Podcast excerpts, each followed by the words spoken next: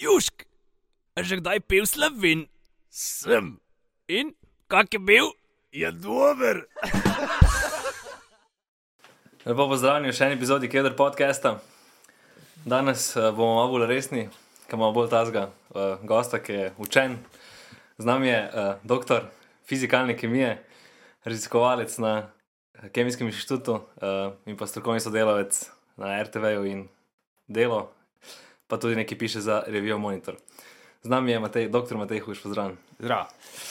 Uh, nekje sem videl, da je tvoj moto: znanost ne sme ostati uh, v laboratorijih. Naš moto je pa, boli da ga mi, kot da ga pijanci, tako da bomo nazdravili za začetek. Kruna šala. Čin. Čin.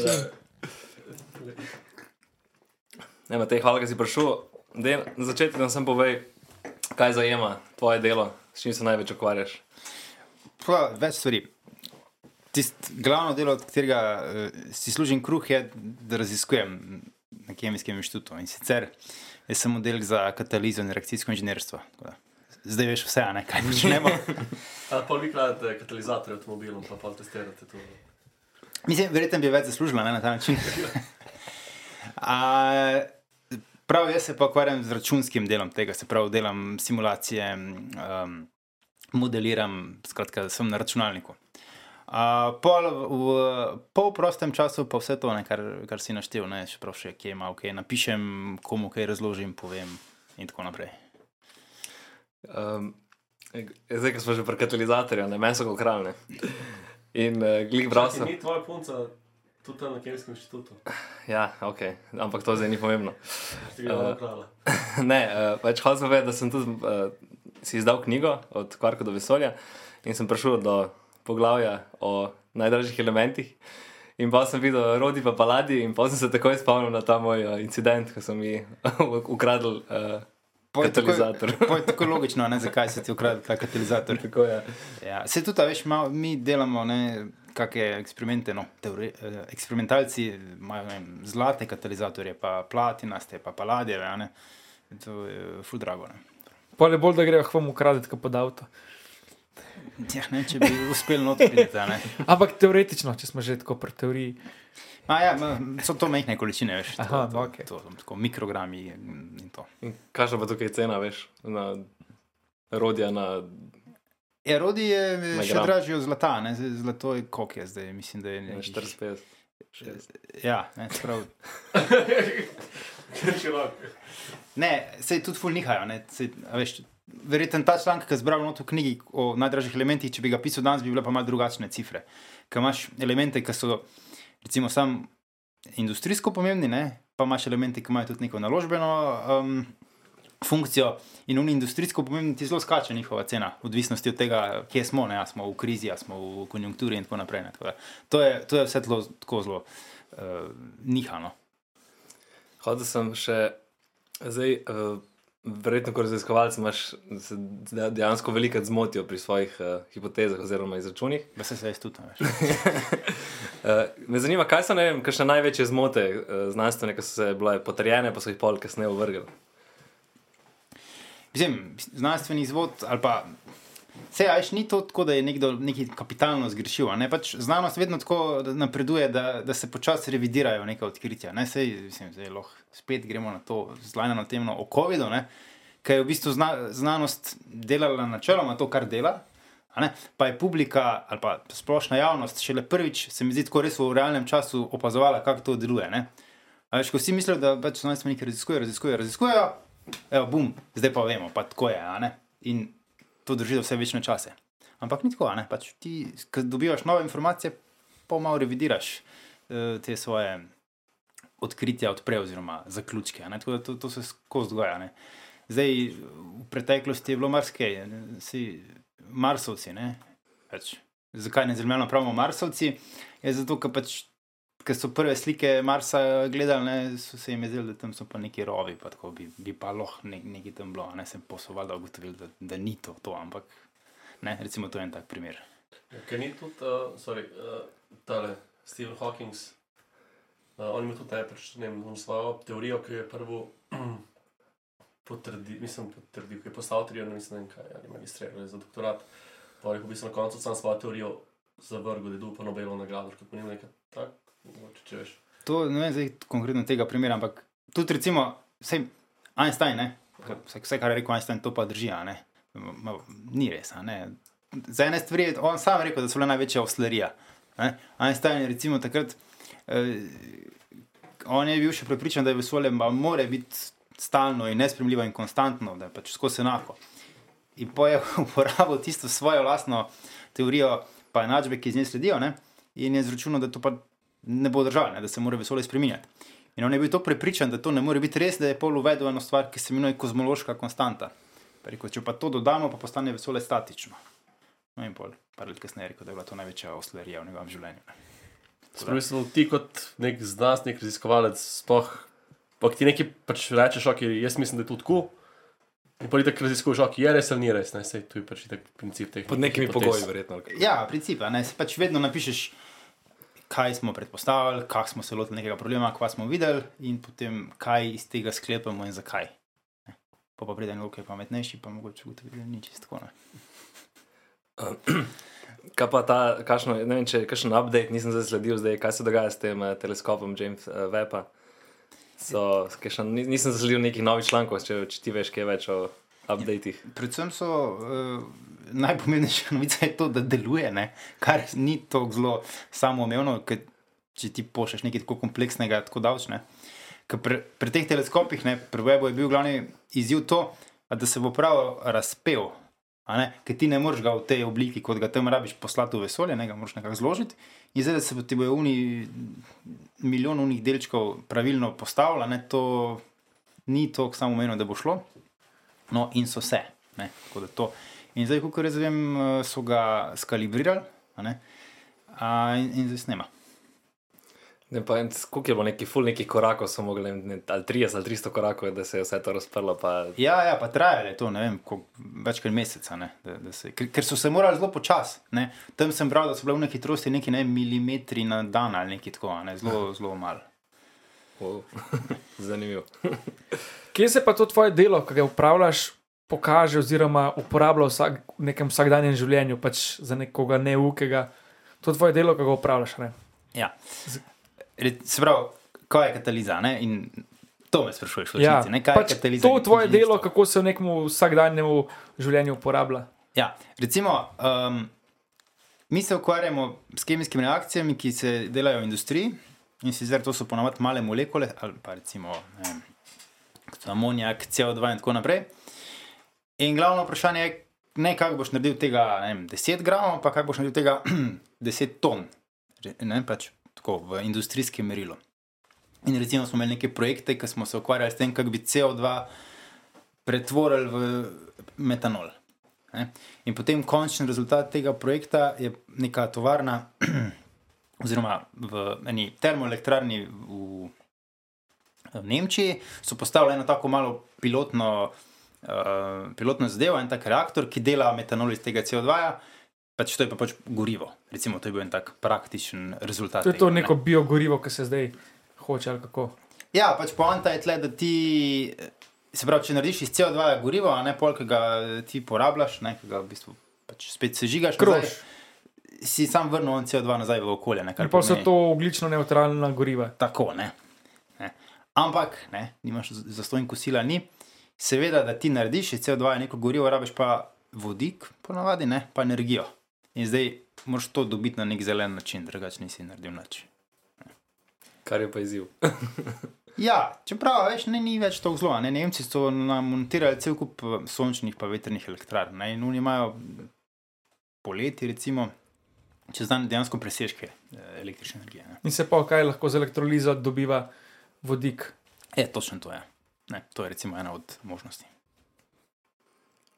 Uh, pol, kaj, recimo, za največje preboje v znanstvenem v zadnjem času, pol, recimo, ti jemliš ta teleskop, ki so poslali, ali še kakšen primer. Ta teleskop se mi zdi kar tako res znanstveni ali pa inženirski preboj. Ne? Pa tudi ta um, ameriški poskus fuzije, ne, ki je bil dokaj uspešen lani, ki jim je za en kratek čas uspel v fuzijskem reaktorju dobiti več energije, kot so jo vložili. Ne? To sicer velja z zelo veliko pombami, ker ja, konkretno za ta mali primer, ja, ampak če pa po- ti pomisliš za cel pogon, ki to vse vzdržuje, je pa še vedno poraba energije večja, kot so eh, jo pridobili.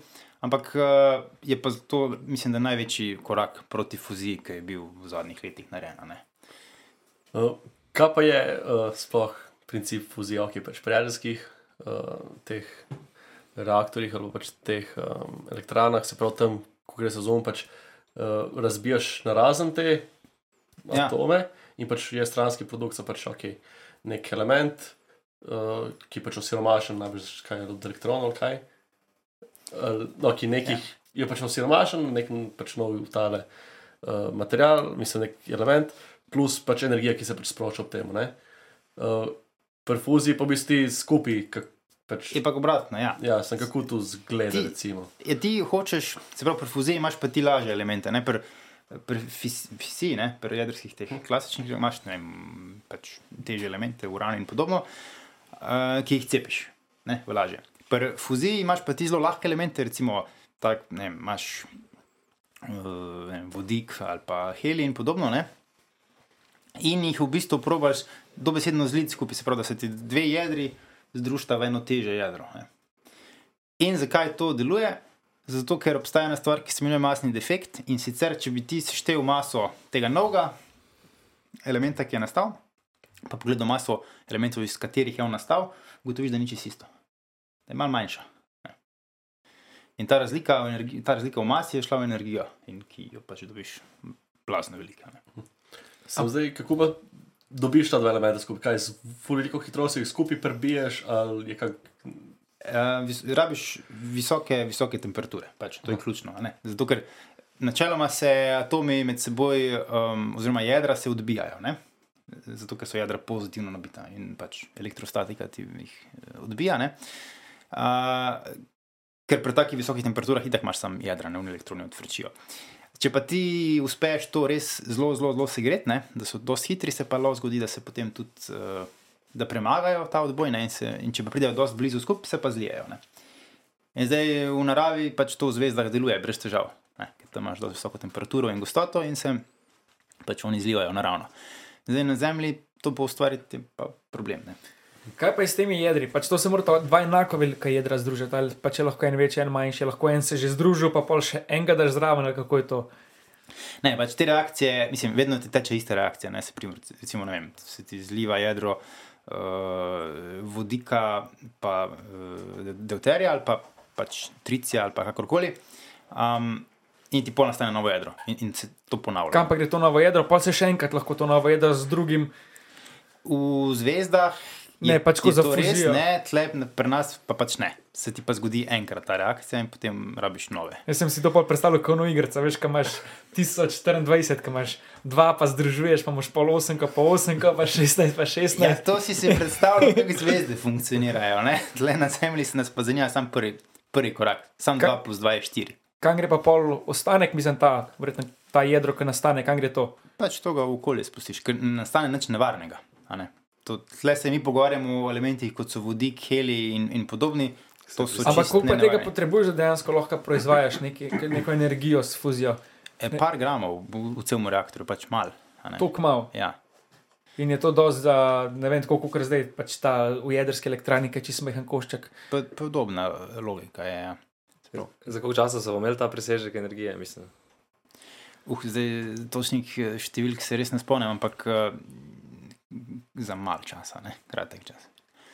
Um, ampak po drugi strani, ne, uspeh je pa tudi to, da uspeš ti tako visoko temperaturo vzdrževati velik časa. Ne. Vsaka toliko časa beremo, da je recimo Kitajcem uspel na teh njihovih fuzijskih reaktorjih doseči, vem, 10 ali pa 100 milijonov stopinj za par sekund ali pa minuto. Ne. In kakšen material Ne. pa zdrži tako temperaturo sploh? enoben. Ne? In, in zato je to tak dosežek, ker tebi to uspe sam, če ti uspeš zdržati, zadržati uh, te vroče elemente proč od materijala. ne. Z, Ja, ampak v čem jih pa zadržiš? z magnetnim poljem. Ker če se ti oni začnejo zaletavati pač ob steno, pol, se tudi ohladi v resnici. Ne?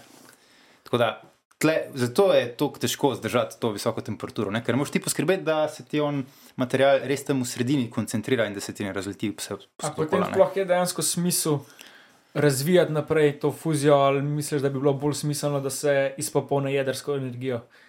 Jaz mislim, da fuzija nekoč bo, ne sej, mislim, če v naravi obstaja. Ne? Jaz mislim, da smo mi tudi dosti pametni, da to uspemo narediti. a ne. Sam nismo pa še tam. Potem je pač trenutno edina alternativa za neko zeleno energijo, pa da je dejansko trajnostna, mislim, trajnostna, da je vzdržna ekonomsko in vse vplive druge, je jedrska. Ah, to je kompleksno vprašanje. Veš, pa mislim, da ni enega samega odgovora na to, ne, ali je jedrska ali so obnovljivi viri. Jaz mislim, da pač kombinacija vsega je potrebna. Ne, ne moreš se nikoli sam na eno tehnologijo osredotočati, Zakaj ne? ker vedno je možno, da obstajajo tveganja, ki jih ti ne poznaš. Ne? Ali pa da se nekaj spremeni v prihodnosti, in če imaš ti vsa jajca v eni košari. Ne? Ampak iz ne vem, do zdaj znanih nekih podatkov ali pa dejstev je jedrska najbolj neka varna, čista, pa Recimo, problem jedrske kot take je pa tudi, da je izredno neodzivna na, na hitre spremembe. Ne? Ti ne moreš jedrske elektrarne čez noč ustaviti. čez noč ustaviti. Ja. Oziroma, če, če se ti pora- pojavijo neke špice v uporabi energije, ne, ne moreš reči, o bomo mi zdaj jedrsko malo, uh, malo na gas stopili, ne, pa bomo imeli čez eno uro pa 20% večji. Jaz si tudi a ne? veterni pa še manj, pri sončni še manj. Ja, imaš pa pač druge variante, ne, imaš pa črpalne elektrarne, pol imaš. ne Vem, Sorry, drugače v bistvu pri sončnih pa vetrnih je pač lahko to narediš. Ne. Kako? Sončno, ja, izključiš pač panel, Ja, polovico ja, sonča ugasneš, Če pa rabaš več, pa ne moreš več dobiti, če ni več sonca ali pa če nimaš več panelov. pač odpreš, pač samo ne vem, delaš, se pravi, tu je zmerno problem, oziroma pač un cilj, ki si, si omenil, pa če više gledaš, ne. Sproti ne vem, vidiš, ok, jaz ram samo polovico sončnih. In pa, ko vidiš, ok, ram še malo več, pržgeš, ne, še polovico. Sam tukaj je že mislim, veliko vprašanje, že na začetku sploh.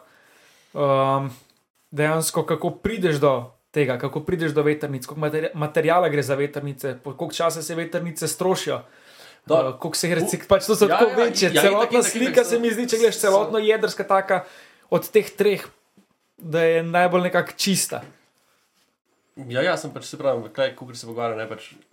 Pre, jaz sem v klasi, sem komentar, te pač premikne. Ne.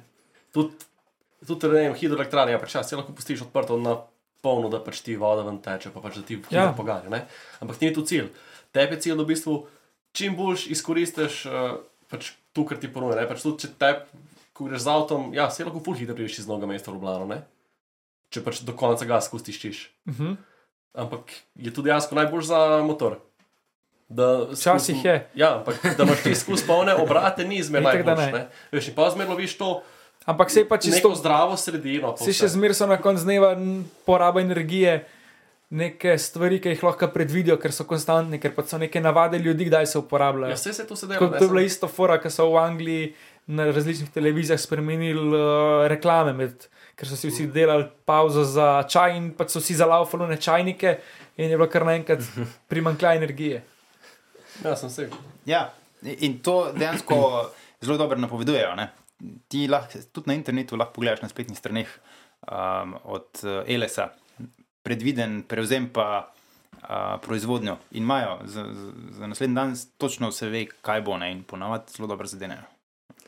Zdaj, če bo preveč ljudi kupilo električne avtomobile, pa vsi čez noč preklopili. Sej ti tako ne izdajo sploh dovoljenja, da lahko postaviš hitro polnilnico, ker tako če mreže ne dovoli tega. Ali pa sončne elektrarne.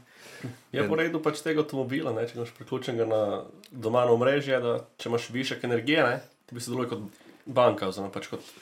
Ampak ti tako avto rabiš. Jaz mislim, da pač na dolgi rok je najboljša stvar, če imaš ti električno, mislim, uh, sončno elektrarno, da imaš tudi baterije doma, ampak trenutno so še te baterije še ful predrage, da bi se ti splačali. Da pač ti ne vem, čez dan polniš baterije, pa hiša po noč na baterije laufa. Ok, to je pol. Se pa cenijo, ne? to je pa. Baterije, ja, pač ja, to je tudi to je pa v dejstvo, bistvu ne. stare odslužene baterije v avto spreminjajo v to, ampak so nekako mislili, da bojo veliko prej te baterije slabe, ampak še kar držijo. Ni tako kot pri telefonu, ki ga po dveh letih lahko stran vržiš. Ja, točno to. Ne? En, enkrat sem pisal en članek o teh uh, stvarih in sem pomal povprašal pri proizvajalcih električnih avtomobilov, ne, kaj počnete s temi baterijami, ki so odslužene. Ne? So rekli, zaenkrat jih še ni. ja, to je res. Vse so še ali v avtomobilih, ali so bile pa uporabljene za druge namene, ne, ne vem, kot nekih viličarjih ali pa za kakšne te. Pa doskrat je naprimer, samo baterija slaba zaradi ene celice ali pa zaradi dveh, ki se pa potem zamenja ali pa skompletira z drugo, ki je cela in je spet baterija delujoča. Kaj pa zdaj so tudi neki teli, uh, uh, generatorji na vodik za elektriko, pa je v bistvu to tudi čista stvar. Vse, kar vodik uh, izgoreva, dobiš vodo. Ne? Ja, zdaj s tem vodikom je pa tako. Ne? Ja, res je, kad ti vodik uporabljaš kot gorivo ali pa v gorivnih celicah, kakorkoli, uh, seveda nimaš nekih odpadkov. Ne? To je eh, čist, popolnoma čist vir. Ne? Drugo vprašanje pa je, odkot je ta vodik nastal. v- v bistvu pri nas v naši branži govorimo, da je vodik različnih barv. Ne? Imamo eh, črn vodik, rjav vodik, zelen vodik in tako naprej. Uh, zato, zato, ker s tem povemo uh, njegov vir. Ne? Namreč vodika ne moreš rudariti, ne moreš ga kopati, ne moreš ga zajemati, ne skratka, treba je narediti. In zdaj, trenutno se še vedno večina vodika naredi iz fosilnih virov. Ne? In to je tako imenovan umazan vodik. Zdaj, če bi delali vodik recimo z elektrolizo vode, pa če bi bila elektrika, ki je to potrebna, pridobljena zeleno, pol je to v redu, ne? potem je to zelen vodik. Ne? Skratka, vodik je ja, na mestu uporabe že čist energent, ne? ampak če pa pogledaš cel krok, ne, je pa vprašanje, na kak način je ta vodik Ali nastal. ni ne. nekaj tako, da vodik lahko nastane, če se kur plastiko pod neko posebno, mislim, pod visoko temperaturo, da tudi je nek stranski produkt vodi, vodik. Ja, zdaj plastika je pa spet drug problem. Ja, pač se ga odstranjuješ ta problem, Ja, s tem, tako da vodik dobiš. Ne, tako da tle. eh, No, in to je recimo s temi uh, obnovljivimi viri energije. Ne? Je tudi cel kup enih evropskih projektov na to temo, da se bi ta presežna električna energija, ki recimo nastaja iz presežnih kapacitet obnovljivih virov podnevi ali pa ko zelo piha, ne, da bi takrat ti zalaufal elektrolizerje in bi proizvajal vodik, vodik ne, iz vode. Ko pa imaš večjo porabo energije druge, jih lahko pa izklopiš, ne, brez nekih težav. Ne? Tako da v bistvu problem bi na ta način reševali na drugem koncu, ne, ne na proizvodni strani, ampak na strani porabe. Ne? In v resnici vse to ni tako zelo nova ideja. Ne? Saj ti imaš cel kup nekih velikih porabnikov električne energije, ki imajo tudi pogodbe in so na nek način tudi uh, rekel, namenjeni stabilizaciji omrežja. ne. Eh, In, in imajo recimo pogodbe določen, da pa je potreba večja, jih pa izklopijo. Ne? In tudi recimo v Sloveniji mislim, da je bil Talum, ne, tak primer, ker pač tiste njihove peči so imele tudi to funkcijo, ne uravnavanja omrežja. Ne. Skratka, to spet ni čist nova ideja. Ne. Da pa malo presekamo. Uh, uh, kako si kaj s teorijami zarote? Ja, kar dosti sem jih že slišal. Ne? v nekaterih sem bil tudi, mislim, da en izmed glavnih protagonistov. Naprimer, A Ne? Kot je bila ona teorija zarote o 5G, ne? tisti je bilo kar, kar zanimivo. Um, jaz ne vem, je bilo vedno tako veliko teh teorij. Um, Da je vsak let so bolj neumni ljudje in je več teorij. Mislim, ne, bolj se širi ta medij, pa več ljudi. e, to, Ne, sem, eh, kako misliš, da bodo zdaj fejkali pristanek na Luni, ki ne bi šli nazaj američani? ja, a bojo so že- Še bolj, a kaj ne? je 5G. Mislim, se pravi, hudo zdaj fejkali. ne, Ja, zdaj z, pač- z, kamere so z, z. AI-jem, ne? A veš. Ja, ja. uh, nekaj se hoče reči za tole. Uh, Teorij zarote, ko smo se pogovarjali. Ja, da če je, je full, ne, če verjameš eni teoriji zarote, pa avtomatsko eh, si bolj deležen, da ve- več jim verjameš. Ne. Da znaš bral neke statistike. Uh, kaj pa enkrat, enkrat, enkrat sem bil stav se pogovarjati o življenju in to je bilo to in si povedal eno uh, uh, fun fact o, o hrčkih. Kako je že bilo? O teoriji zarote si poslušal nek podcast, si rekel. Hrč, ki so hrčke, Ja. ja, ki sploh ni teorija zarote? Mislim, ja, survival mode. Survival mode. Ja, mislim, to, so, to, so, to je pa so dejansko raziskovali, ja, da, da hrčke so, mislim, da je bilo v 50-ih letih, eh, če jih primerno zamrzneš, ne, jih lahko pol tudi odtališ in hrčki so čisto Kot se je Walt Disney hotel. ok. Ne? In, in takrat je bil to zelo tako boom, ne, in, in so potem bile visoko leteče ideje, da bojo pa zdaj, smo pa čist malo še oddaljeni od tega, da bomo pa tudi ljudi uspeli ne, zamrzniti, pa pol uživiti in tako naprej. Ne. No, ni se še to zgodilo, ne. Ampak pri hrčih jim je pa uspelo. Ja. A, in, in sicer z mikrovalovko so jih ne. to je bilo takrat zanimivo dejstvo. Ne. Ne, vas si že nekaj rekel, da je bilo 2000 konc sveta, uh, da, so, da bi lahko na hrčkih preživel, ali kaj že nekaj. A ja, točno, ja, to so si pa tudi. Uh, to so pa oni, uh, preperi, ne, in pravimo, ko so pripravljeni na vse, da imajo tam kleti. ne. Doomsday preperi. Tako, ne, tako ker mi tule v zidanci ne imajo oni tam zaloge vsega živeža. Ne? Hub, hobuke hrane, pa orožja. Ja, in pa si je nek. eh, To je bilo takrat, eh, ja, pred letom 2000, ko so se bali, da bo ta uh, horošč milenijski naziv vse pahnil v, nazaj v tehnološki srednji vek. Ne? In, in so si izračunali, Ja, Po, po gre, gregorijanskem koledarju. Ja. da, če, če ima v tej kleti, eh, mislim, da je 300 hrčkov okrog, a ne, da oni se dosti hitro razmnožujejo in živijo, da pa imaš pa neomejeno uh, količino oziroma vir mesa. Ne. Zdaj jaz ne vem, jaz nisem tega preveril, če to drži, ne, ampak Pa še kožo imaš, veš, da se lahko pač cunje se šiješ. Sam en hrček nima tudi za gostilniško mero mesa, nima 20 dek, 25 dek. ja, ampak če je pa 300, ne. ne. Nekdo je preračunal, pa največ kak rednek nekaj. Pač. E, v Ameriki je to bilo vse. Ja. ne. Zdaj, tam imajo tako radi te različne teorije. pa to. Ne znam sem le gledal, kako se te dom zdaj prepari, ker so si ne vem, so nek praznik. Sem praznik, ni dela prost dan, je bil v, Ameriki. no, Oni so se odločili, Papirjev, ne, oni so se pa zjutraj odločili, da bojo potrenirali, kako hitro so iz mesta, če se zgodi IMP napad ali kaj IMT. Ja. Ja. Ta z elektrošokom in oni so tako ob 3-4 zjutraj otroke zbudili, da zdaj moramo iti drug konec mesta in so šli v čovn in s čovnom čez reko in tam bi imeli štirikolesnika parkiranega, da so šli pa do njihovega bunkerja. Pa veš, da je. Pač mogli so po eni uri biti tam. Ampak je imel električni užik ta štirikolesnik. Ja, ne? da je hotel vprašati. Ne, na kurbel je bil. Ne, ne. Tako da so zanimivi ti američani glede tega. Ali pa zdaj, glede teh spolov, ki pa tudi. Pustimo to, tu je Pa smo tako. to, se bo še kdo žgal. Teorija zarote uh, je, je veter v vesolju. Oziroma, zakaj je plapolala ameriška zastava na Luni? Ja, mislim, to je zelo dobro vprašanje. ne. Obstaja sončev veter, samo to ni to, ne, o čemer eh, ti zdaj sprašuješ. Tiste je bil veter v nevadi. Ja. A, mislim, se tista zastava ni bila uh, iz uh, tkanine, ne? tista je bila zastava, ki je bila oblikovana tako, kot da plapolane.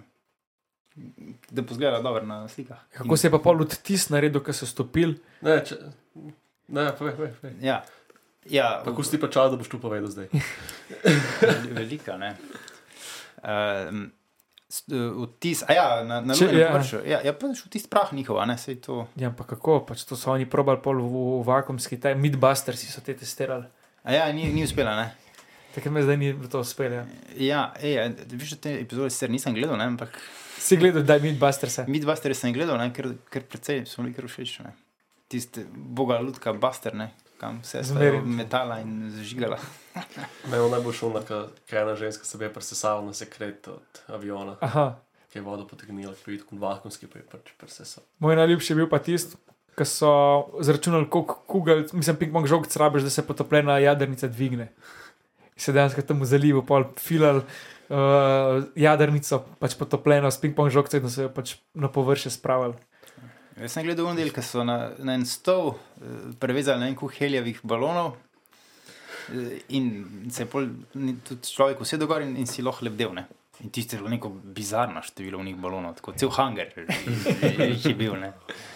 Ali pa duct tape, ja, z duct tapeom, ko dvigne, pa zanimivo z njim. Kako, kaj že on čaki, da ne moreš papirja nikoli 12krat prepogniti? Ja, kaj ne gre. Prideš, ne vem, če kako krat prideš do 21, kad si do lune, ali kako mislim, da je nekaj takega. Pač ja, pač predebelo na koncu bi se Pa ne glede na to, fizično koliko velik ja, je. koliko- Ne, ne, koliko je velik papir, pač ne Ker moreš. so cel hanger papirja imeli, pa so ga pol še z valarjem, Ja, Pač ja. ampak prav si vse ni so- mogel, ali petkrat ali šestkrat, max. Da, ne gre. ja. Te gremo še malo do AI, ki je zdaj, mislim, je AI do ChatGPT-ja, No, jezikovnega modela, ki je zdaj obnorel svet. No. Um, mislim, da se to ni nič novega v bistvu, ne, sem pač je. Pa ni več edini. a ne? Zdaj že Google hoče tudi implementirati. Ja, eh, Microsoft je Bingu dodal. Kdo sploh funkcijo Bing uporablja? pogovarja. Ej, točno to ne. Veš, kdo? On, ki mora Google eh, downloadati. Pa prej naštimaš uh, prizadeti iskanje. Ne, pač v vsakem primeru pravi Google z downloadom, ki pa Bing uporablja. Jaz sem pač veš, da ne moreš pač prvo Ash odpreti, da pač lahko upal downloadaš. Ampak kaj še, Bing chat je dejansko kar. eh, Po mojem bo kar povzročil neke spremembe. No? Je, deluje dobro. Je, je, to je chat GPT, ki ima povezavo z internetom. Ne? Pa je to v bistvu vse imaš. Ja. Ne. Zdaj Google je še tega svojega eh, barda izdal, sem se tudi upisal na čakalno vrsto in sem, mislim, prejšnji teden sem dobil dostop do njega, sem ga malo sprobil. To je zaradi tega, ker si prej DR napisal. V, Ne, v, v zato-. Ne, zato ker sem se prek eh, VPN-ja in ameriškega IP-ja prijavil, ne, ker je v meni Ameriko in uh, mislim, da Veliko Britanijo. Resno? Ja, zaenkrat. In uh, če imaš VPN nekam do nekega ameriškega strežnika, Te Imamo- sprejme, ne? Imamo en brskalnik, v bistvu za stonski VPN noter, tako zbereš. no, ja, tako. Če se prijaviš, kak teden, dva traja in dobiš dostop. In kaj si kaj poskušal? Potem sem se pogovarjal z njim ne, in uh, Ko hrčko rabiš, da prideš. je, tale eh, chat, eh, Bing, ne, Microsofta se res obnaša kot človek. Ne, zato, ker sem ga vprašal, kdo je slovenski predsednik. On mi je odgovoril, da je to Borod Pahor. Jaz sem mu napisal nazaj, da, da to pa ne bo držal. Mi je napisal nazaj, Čal, da se čal. ne bo več z mano pogovarjal. Da, se, da sem nesramen in da, da ne bo nadaljeval tega pogovora. Potem nisem mogel več odpisati, pač je zaprl ta, to svojo sejo in sem mogel novo odpreti. Prav, v bistvu si mu rekel, da je neumen in se mu der strnil. Rekel sem, da nima pojma. Ja, se- ja. Pol- Pa je boljši kot ChatGPT v, v tem smislu. Da on ti samo napiše, da je jezikovni model in ti ne more odgovoriti na to vprašanje. Ne? Ja, če če ti se skozi upravičuje, ne. E, Ta, ta se pa nič ne upravičuje. Zato, ker je svoj boj, ni gledal Andrew Tate. Snowflake. Ja, in, kaj, in, kaj, in kaj recimo zdaj ta od Binga proti uh, ChatGPT-ju uh, drugačen?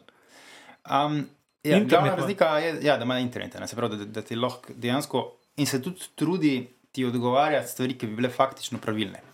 Ker Znam problem teh eh, modelov ali pa AI je, so tako imenovane halucinacije, ne, da pač on se je naučil načeloma korelacij, ne, kaj, kjer bi Kaj se pač pobira skup- različne dele iz različnih člankov, pa skrb sestavlja.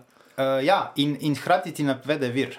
ne. Karkoli vprašaš, uh, chat Bing ti bo Aha, navedel vir. Ne, ne. Če GPT ti pač napiše tekst, ne, On- on nek, random. Ne. Samo zavestno laže lahko. Ja. In pol, če mu rečeš, da lagal si se, se upraviči in reče, oprosti, nisem vedel, ne sem jezikovni model, no, chat, eh, chat Bing ti pa da neke vire, ki bi naj potrebovali to. Pa misliš, da je možno, da bo kakšne, kakšna delovna mesta izgubila ljudi zaradi tega, ker bojo vem, lahko uporabljali na mest ljudi ta Bing. Uh, Siguren, kakšna delovna mesta, ja, sej to se dogaja že celo zgodovino. ne. Včasih smo imeli prižigalce unih uličnih svetilk. Ne? Ampak je bilo smešno, par let nazaj, kaj je bilo, so bile prve stvari, ki so rekli, čez deset let ne bo tega, pa tega poklica, so bili vsi neki obrtniški ali pa taki, ki so jih pač sam delal, zaradi tega ne bo samo vozeči avti, pa bo to, na koncu bo pa prej odpadali neki, ki delajo v pisarni, pa za računalnikom tekst pišejo. Je, mislim, po drugi strani pa tudi mislim, da ni pa to tako zelo že za vogalom, pa tako velik problem, da bi nam zdaj ti modeli prevzeli zelo velik delovnih mest. ne. Um, ker sej, ker so izumili fotoaparat, slikarji še vedno obstajajo, ker so izumili um, tele. Kako se reče po slovenski, eh, črkovalnike, ne, ki ti podčrtajo v vrdu napačne besede. Ne. Ima lektori, imajo še vedno ogromno Zdaj dela. ne. nek, v Sloveniji je tudi nek um, ta, kot chat GBT, ampak uh, za lektoriranje. Mhm. Daš noter tekst in ti pa zlektorira. Ne? In tudi, a bo to nadomestil pravega lektorja? Verjetno, da ne. ne? Bo pa njemu mogoče v pomoč, a ne? Lektorju. Ja, v končni fazi. a ne? Sej, a veš, Dvajset hitreje bo zlektoriral, trikrat.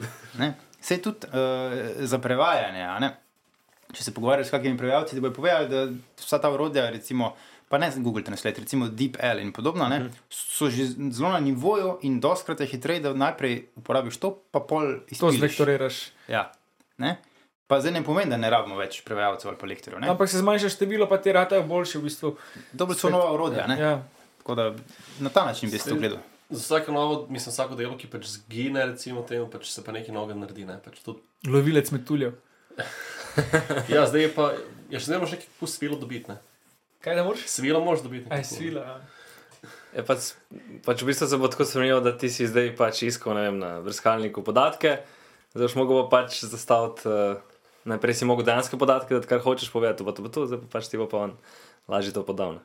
Ja, evo, že novo delovno mesto. Ne? Pravilno zastavljanje vprašanj, če je GPT. Študent, 6 evrov po polno uro. Neto. Včasih si ti sestavljal na traku, zdaj robot sestavljal, ampak nekdo mora bo- robota sprogramirati, pa servisirati. Pač prej ne bo rabo človeka servisirati, razen zdravnika, ampak pustimo to. Zaenkrat je frizer, še zdaj, zaenkrat večni poklic. Kje bi pa ti lahko delal, če bi šel v privat sektor? Kakšne so, na primer, možnosti, da bi za tvoje delovno mesto? Pa To je, široko? to je po mojem kar široko razpolno. Odvisno, kaj bi, definitivno ne bi mogel delati toliko različnih stvari, ki jih zdaj. Ne, verjeten, to je dejstvo. Ampak pa, pa mislim, da je od sprem, čist nek, nekih delovnih mest, kjer pišeš besedila, do vem, raziskav, ne se v Sloveniji kemijska industrija zelo močna. Ne. Tada, mislim, da je. Bi imel in tudi veliko dela v zasebnem polu. Ja, in tudi najlepše to vidim po študentih na našem oddelku. Praktično noben od njih ni brez službe. Ampak prav- Si imaš že štipendijo od Leka pod Krke. Obraten problem je, ja, ne, mi bi pa vendarle želeli, da kdo pa ostane. Ne? Tudi v znanosti, ampak imajo ponudbe, ki se jim ne morejo upreti. Ja, ker na koncu dneva je kvadrat v Ljubljani 3 ure plus stanovanja. Recimo, ne? Um, šel sem fajn, če bi lahko naredil ne vem, tabletko, ki ne bi umačka zjutraj. Recimo, ne? To, bi, to bi bilo vredno. Ker piješ, pa spiš en tablet. če nimaš mačka. Ali pa, ne, doskrat sem slišal to, da če bi naredili tabletko, ki bi imela enak efekt kot ena ura športne vadbe, ne? to bi bila najboljša tabletka na svetu. Sem tu pele, Sam žal je ni. pele za to, ne? če bi pol bi vsi ljudje pi- pijani čez dan, pa Vsi bi sem bil tablete. pol bi kaj. Vsi bili dobre vole, ki bili. Ja, ampak tudi manj bi se naredilo, oziroma slabše. Vse imaš robote, vse oni delajo. Ja, nismo še tam. Pa če, če GBT. Nismo še tam. Kako pa izfinanciram te, teh vaših projektov? To je vse v bistvu od države ali to tudi podjetja financirajo? Kdo v večini? To, to je tako vprašanje, verjetno za cel podcast. Ne? Uh, zelo je odvisen od um, konkretno teme oziroma oddelka ali pa inštitucije. Jaz lahko povem, recimo za naš oddelek, ne se pravi ta televizija in inženirstvo, da imamo precej, precej sodelovanja neposredno s firmami in slovenskimi in tujimi. In to so taki čisto industrijski projekti, ki jih zanima, kako bi nekaj šlo. Potem imamo recimo, vem, tretjino, recimo so evropski projekti, kjer so ta, to so večinoma konzorcijski projekti, kar pomeni, da imaš ti nek velik konzorcij, 8 ali pa 10 partnerjev, vsak prenese neke svoje ekspertize. Ne? Kar pomeni, recimo, da, da pač tuji partnerji morajo najprej vedeti, da obstajaš, pa da si dosti dober, pa tako naprej. a. Uh, pol, recimo, kakšna tretjina je pa nacionalno financiranje, ne? ki se pa spet deli. Imaš stabilno financiranje, ki pač prihaja ne glede na Koliko narediš, pa kaj narediš? Oziroma, rečemo temu, da so uh, pač evalvacije uh, na daljša obdobja, recimo na šest let, ne? in to je namenjeno nekako temu, da se ti vzdržuje neka baza, neko jedro, pa imaš pa recimo kompetitivne, krajše uh, projekte, ne? triletne, dvoletne, ki jih pač dobivaš na zelo kompetitivnih razpisih. Ne? In v bistvu te raziskave, ki jih imate vi, s temi projekti, ki jih drugi financirajo, do teh uh, zaključkov, ki pridete, lahko pa potem uporabljajo vsa privat podjetja. E, tako je. Kar je financirano iz državnih ali pa evropskih sredstev, je vedno objavljen v člankih, ki so prosto dostopni. Ja, Ne, ampak to je pač zakaj pa obveznost. potem, mislim, tukaj je sploh viden problem, da zakaj podjetja sama ne investirajo več v to v razvoj, ker pač vse je cenejš, da daš en del razvoja drugim, kot da imaš svoj razvoj v podjetju.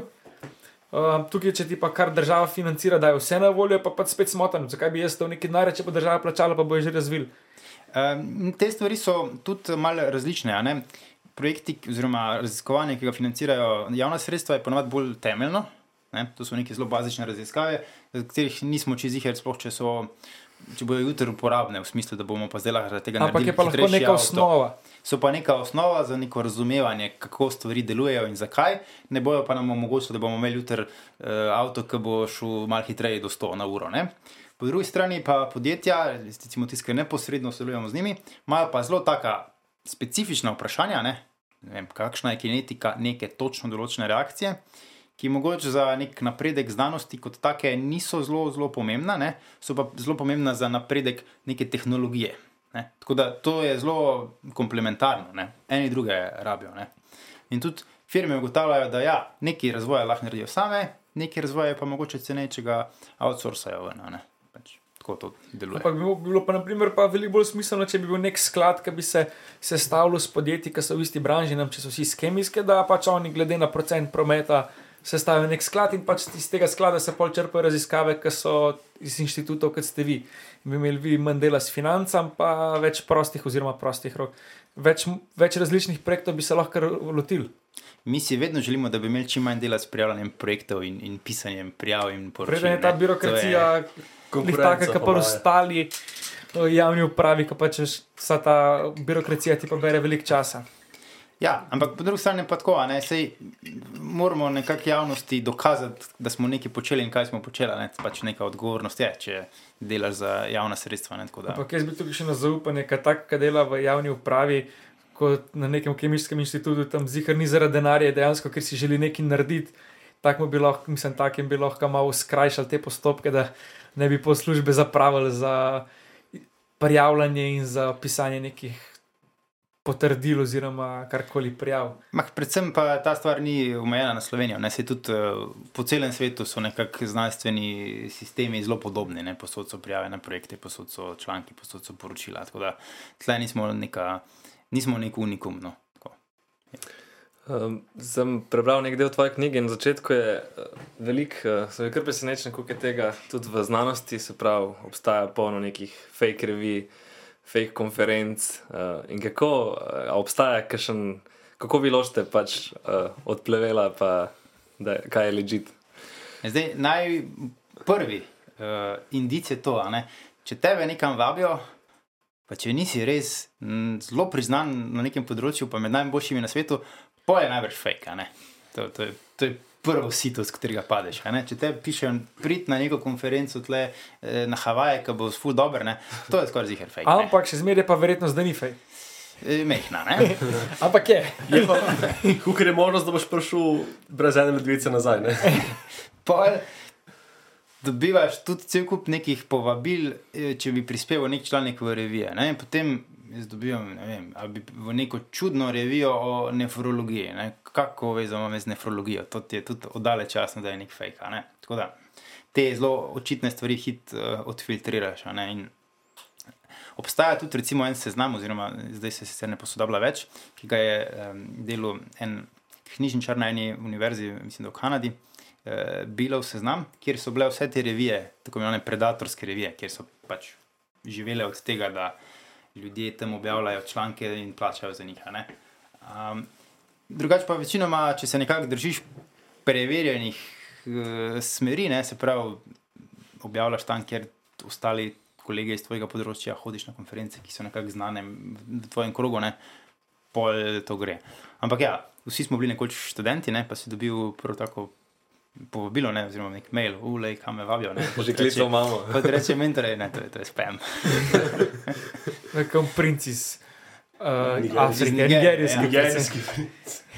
Ampak se je že zgodilo, da je ne vem, tebi ali pa komu od podob- sodelavcev, da je mu dejansko kakšno tako fake vabilo sprejel. Oziroma, To ne, ampak se je pa že večkrat zgodilo, da smo, mogli, da smo se tako usedli, da smo rekli, a je tole legitalni, dajmo, dajmo v grunta zdaj. a ne?" Tako da včasih so prepričljivi, ne? ampak večinoma pa kar hitro ugotoviš, da niso.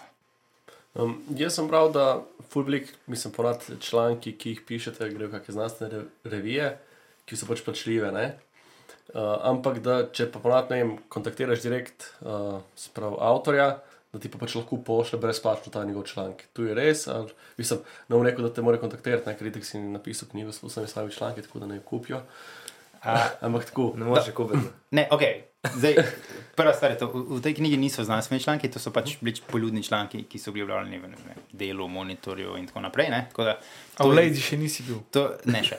Ne, to, to, je, to je tako, pač, uh, za uh, splošno javnost. Zdaj, kar se tiče pa znanstvenih člankov, ne, o katerih me ti sprašuješ, je pa ja. Uh, Nekako sta dva modela objavljena. Eden je, da so revije torej, uh, naročniške, kar pomeni, da so vsi članki zaklenjeni in mora tvoja inštitucija bodi si naročati to revijo, kar stane precej. Ne. Bodi si pa pač ti kupiš ta konkreten članek ne, in, in ti ga bolj pošljajo. Ne. V takih revijah je objava brezplačna za avtore članka. Ne. Druga vrsta revij so pa revije, ki so odprte, kar pomeni, da lahko vsi za ston berejo, ampak v tem primeru mora pa avtor plačati za to, da je njegov članek objavljen. In to se pogovarjamo o zneskih, ki so par tisoč evrov ne, na, na članek. Ne. To je pa plačano glas.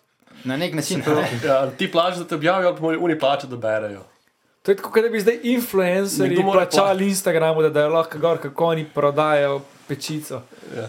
Ne, in, um, še, ta, ta sistem je na nek način malo nenavaden, ne, ker čl, tudi članek, za katerega ti plačaš, da je objavljen, ne, ta članek gre še vedno čez recenzentski postopek ne, in, in ni rečen, da bo objavljen, ne, lahko je zavrnjen. Pa si plačal? Dober, ne.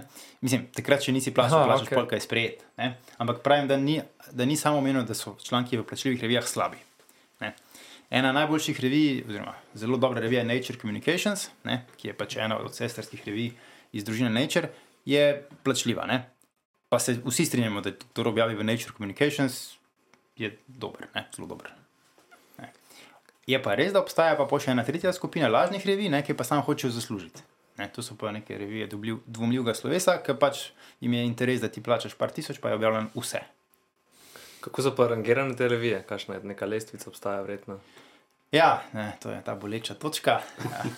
Obstaja lestvica, oziroma vsaka revija ima eno uh, metriko, ki se imenuje faktor vpliva, ki ti pove, kako pogosto so članki iz te revije citirani ne, drugot ali pa v isti reviji. Skratka, citiranost merijo. In potem se revije znotraj področja primerjajo po teh faktorjih vpliva. Ne, pravi, v reviji, v kateri so članki bolje citirani, je nekako boljše objaviti. Ne? In to je metrika za revije. Ne? Pa se je pa to izrodilo v to, da ljudje pa ocenjujejo posamezne članke po tem, kje je bil objavljen. Ne? In jaz to skrat rečem, da to je približno tako, kot če bi ti prodajal svojo hišo. Ne? In je sploh ne bi prišel izpogledati, ampak bi sam rekel, kje je. Ta je v Salamonu, v glasniku, Ne. taj karana. V katerem beci- ne, v katerem A je becirku tako? je. A, veš, a, je, a je na Rudniku, a je na Viču, Mhm. ali je v Šiški, in, in bi me samo to zanimalo. Ne. Tako trenutno deluje ta sistem. Ne. Kar pa spet ni fair.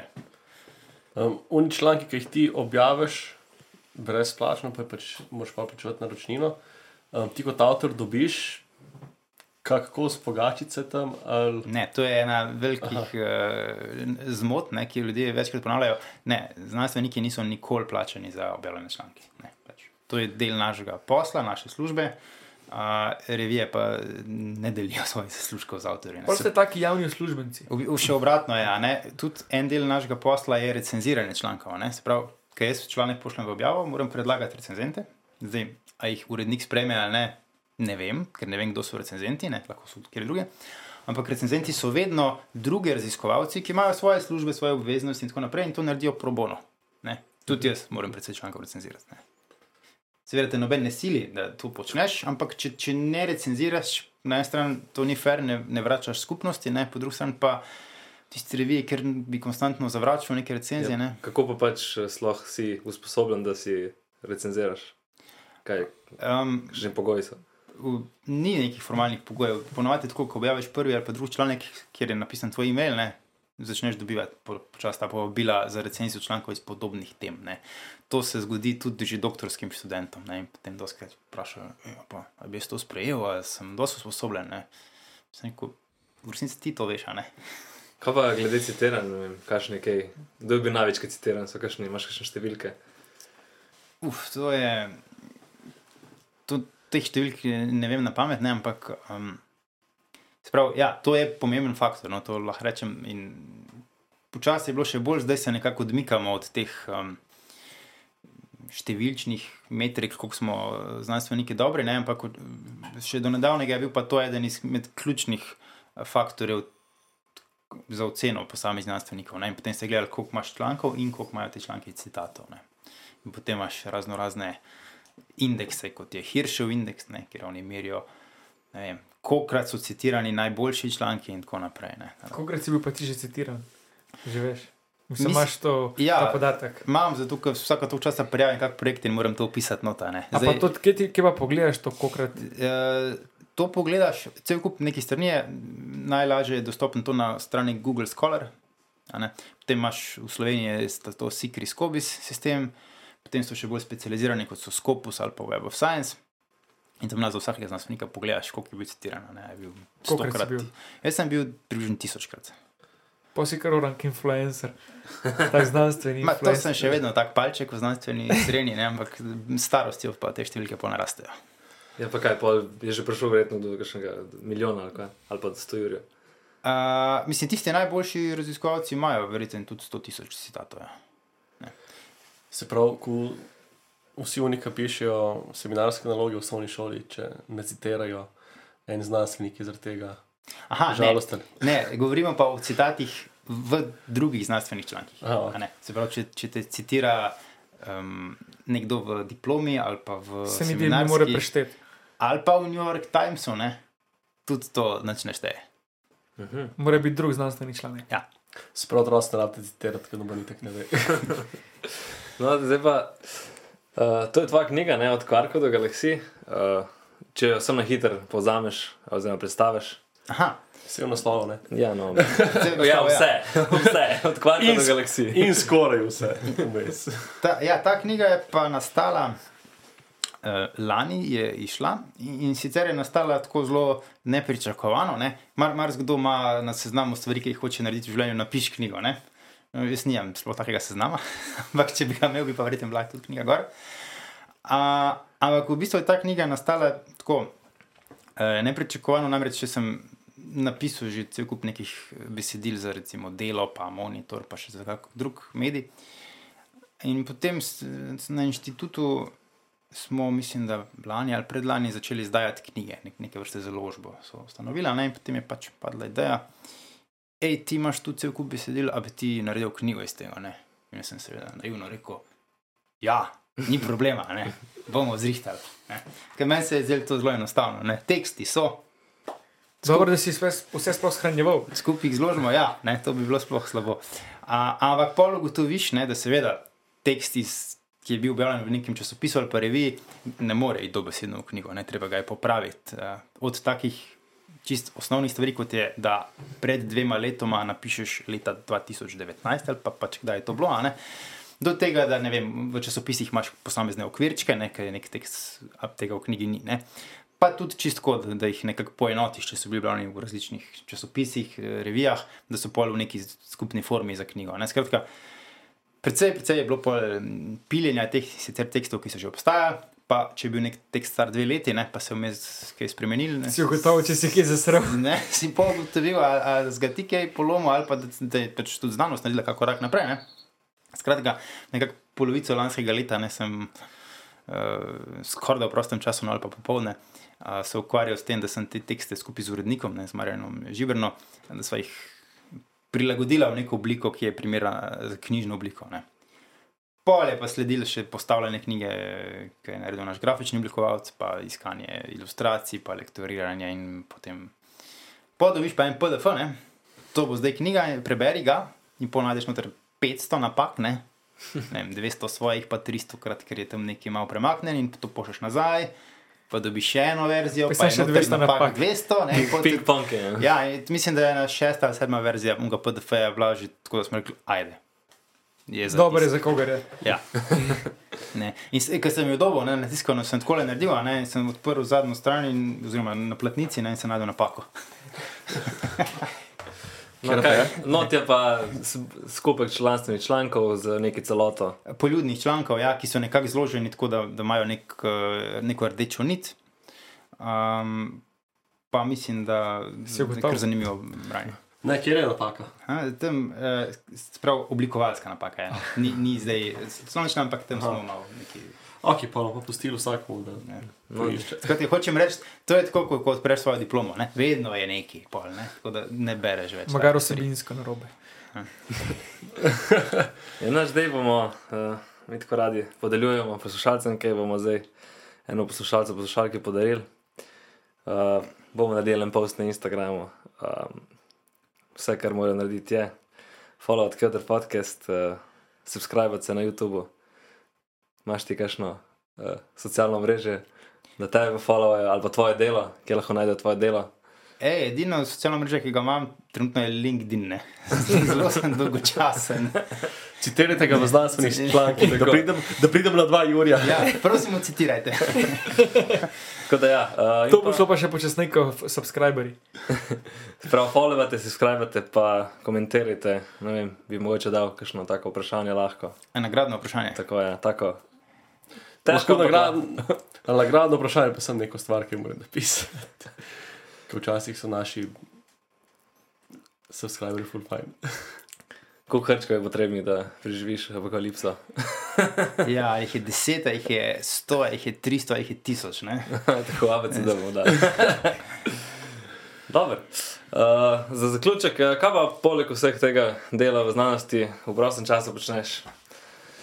To je Zdaj tako zvenelka, da ga sploh nijama, ne? ampak ja. Um, jaz sem velik uh, fan tekanja na vse načine, ne? ker sem čas treniral atletiko in nekako mi je to ostalo. Tekam, včasih v prostem času, včasih tudi zjutraj pred službo. ali pa se klatim po hribih, ali pa kolesarjem, a ne. To je nekako največ. Tak, slo, slovenski športi pa. Ja, ne, ta klasičen slovenski šport. Petek po bifedu, do jutra. Ne. Vsega zdravo razmeri, ravnovesje. Zato pa si športov, ne, da lahko pa v petek piješ. Imaš na zalogo. Enače, v tej hvala, da si prišel v naš keder. E, z veseljem, ne, bilo je res dobro. No, pa na zdrave. Zdravje. Kaj pa darilo? A ja, uf, zmer pozabimo, veš, da nam, zmer imamo vsakega gosta ena darilce. A res? Res, res. Uh, imamo uh, en cviček, pa eno belo. Wow. Tako da boš lahko, uh, ko boš odtekel maraton, pa pa spil brez Dobro. slabe vesti. Dobra družba, dober vin. Odlično, najlepša hvala. No. Hvala tebi za obisk, pa se vidimo. Čau. Južk, sod te pušča. Južk.